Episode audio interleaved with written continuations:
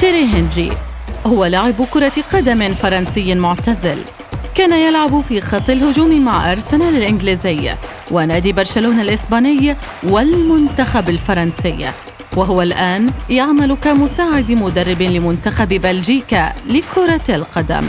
يعتبر هنري أفضل مهاجم في تاريخ نادي أرسنال. حصل هنري على هداف الدوري أربعة مرات مع الأرسنال.